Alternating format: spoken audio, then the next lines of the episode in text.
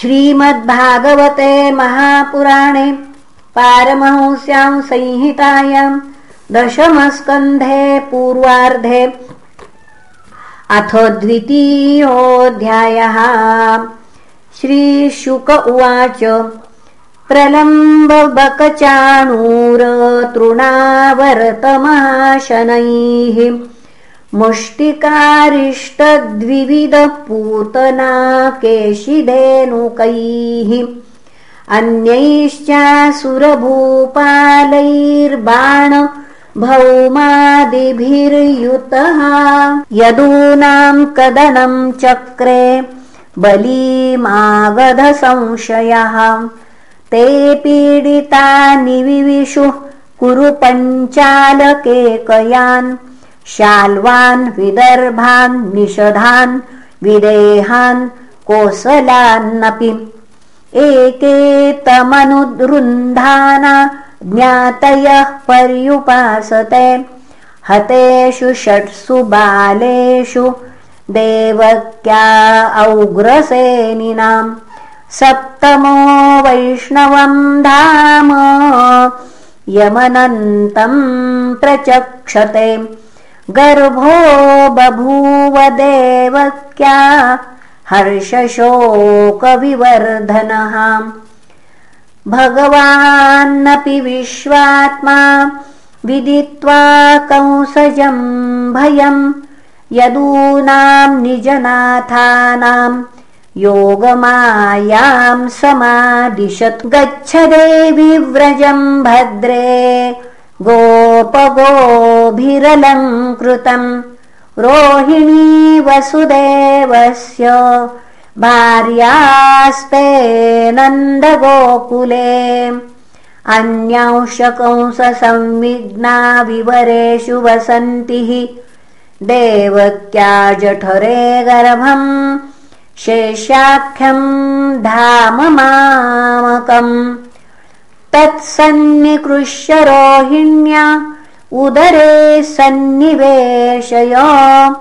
अथाहमंशभागेन देवक्याः पुत्रताम् शुभे।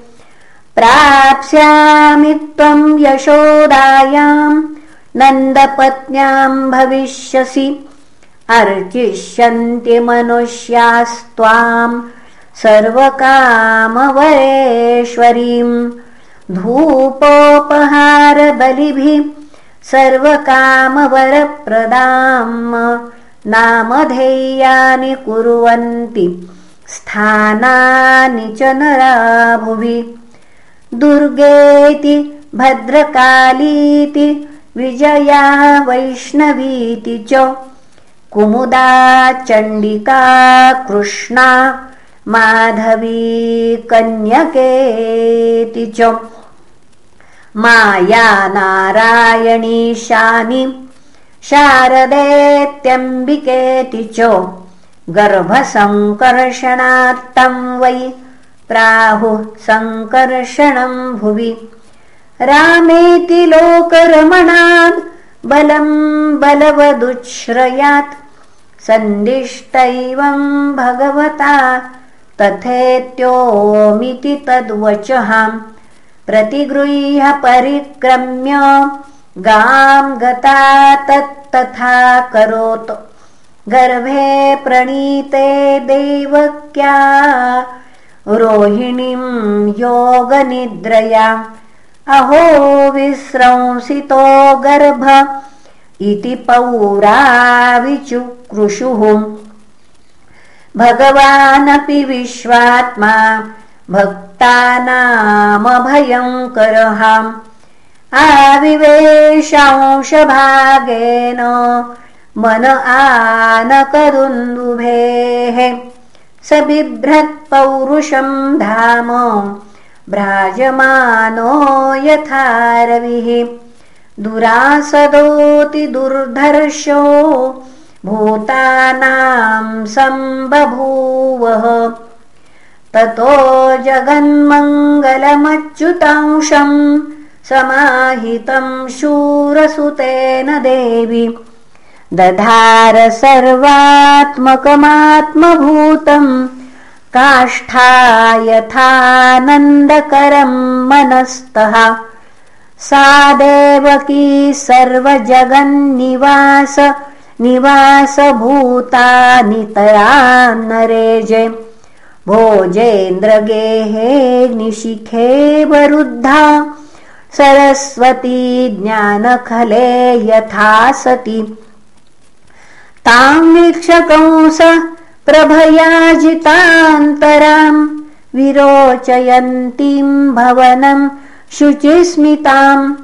आहैष मे प्राणहरो हरिर्गुहाम् ध्रुवं श्रितो यन्य पुरेयमीदृशीम् किमद्य तस्मिन् करणीयमाशु मे यदर्थतन्त्रो न विहन्ति विक्रमम् श्रिया स्वसुर्गुरुमत्यावधोऽयम् यशश्रियम् हन्यतु हन् पुनः यशश्रिय हन्त्यनुकालमायुः स एष जीवन् खलु सम्परेतो वर्तेतयोऽत्यन्तनृशंसितेन देहे मृते तम् मनुजा शपन्ति गन्तातमोऽन्धम् तनुमानिनो ध्रुवम्।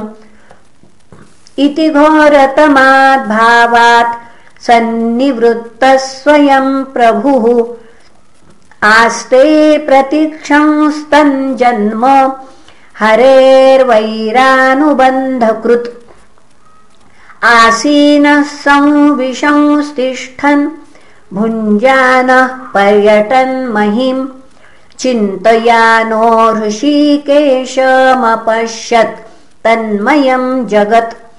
ब्रह्माभवश्च तत्रैत्य मुनिभिर्नारदादिभिः। देवैः सानुचरैः साकम् गीर्भिर्वृषणमैडयन्।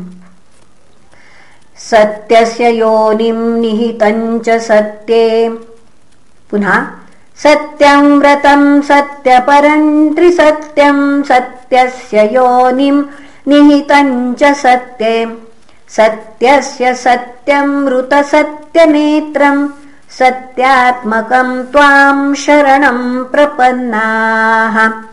एकायनोऽसौ द्विफलस्त्रिमूलश्चतुरस पञ्चविधः षडात्मा। सप्तत्वगष्टविटपो नवाक्षो दशच्छदी द्विखगो ह्यादिवृक्षः त्वमेक एवास्य सतः प्रसूतिस्त्वम् सन्निधानम् त्वमनुग्रहश्च त्वन्मायया संवृतचेतसस्त्वाम् पश्यन्ति नाना न विपश्चितो ये।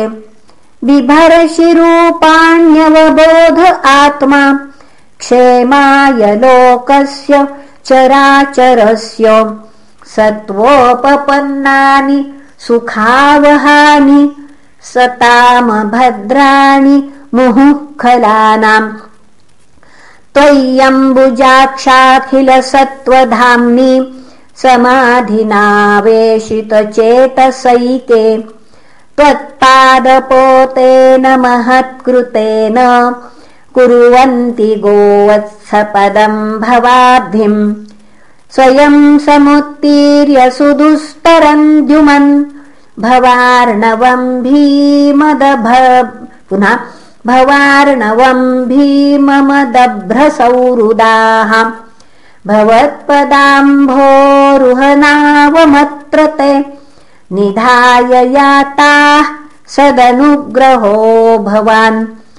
ये नेरविन्दाक्ष विमुक्तमानिनस्त्वय्यस्तभावादविशुद्धबुद्धयः आरुह्य कृच्छ्रेण परम् पदम् ततः पतन्त्यधो नाधृतयुष्मदङ्घ्रयः तथा न ते माधव तावकाः क्वचित् भ्रश्यन्ति मार्गा त्वयि बद्धसौरुधाः त्वयाभिगुप्ता विचरन्ति निर्भया विनायकानीकपमूर्धसु प्रभो सत्वम् विशुद्धम् श्रयते भवान् स्थितौ। शरीरिणाम् श्रेय उपायनम् वपुः। वेदक्रियायोगतपः समाधिभिस्तवार्हणम् येन जनः समीहते। सत्त्वम् न चेद्धातरिदम् निजम् भवेत्। विज्ञानमज्ञानभिदापमार्जनम्। गुणप्रकाशैरनुमीयते भवान्। प्रकाशते यस्य च येन वा गुणः न नामरूपे गुणजन्मकर्मभिर्निरूपितव्ये तवदा तव पुनः निरूपितव्ये तव तस्य साक्षिणः। मनोवचोभ्यामनुमेय वर्त्मनो देवक्रियायाम् प्रतियन्त्यथापि शृण्वन् गृणन् संस्मरयंश्च चिन्तयन्। नामानि रूपाणि च मङ्गलानि ते। क्रियासु यस्त्वच्चरणारविन्दयोराविष्टचेता न भवाय कल्पते। दिष्ट्याहरे स्या भवतः पदो भुवो भारोपनीतस्तव जन्मनेशितुः। दिष्ट्याङ्गिताम् त्वत्पदकैः सुशोभनैर्द्रक्ष्याम। गाम् द्याञ्च तवानुकम्पिताम्। न ते भवस्येष भवस्य कारणम्। विना विनोदम् बत तर्कयामहे भवो निरोध स्थितिरप्यविद्ययाम् कृतायतस्त्वय्यभयाश्रयात्मनि मत्स्याश्वकच्छपनुसिंहवराहंसराजन्य विप्रविबुधेषु कृतावतारः। त्वम् पासिनस्त्रिभुवनम् च यथाधुनेश भारम् भुवो हरयदूत्तमवन्दनन्ते दिष्ट्याम्बते कुक्षिगतः परः पुमानंशेन साक्षाद्भगवान् भवाय नः मा भूद्भयम् भोजपतेर्मुमूर्षोर्गोप्ता यदूनाम् भविता तवात्मजः श्रीशुक उवाच। इत्यभीष्टूय पुरुषम् यद्रूपमनिदम् यथा ब्रह्मेशानो पुरोधाय देवाः प्रतिययुर्दिवम्। इति श्रीमद्भागवते महापुराणे पारमंस्याम् संहितायाम् दशमस्कन्धे पूर्वार्धे गर्भगतविष्णोर्ब्रह्मादिकृत स्तुतिर्नाम द्वितीयोऽध्यायः।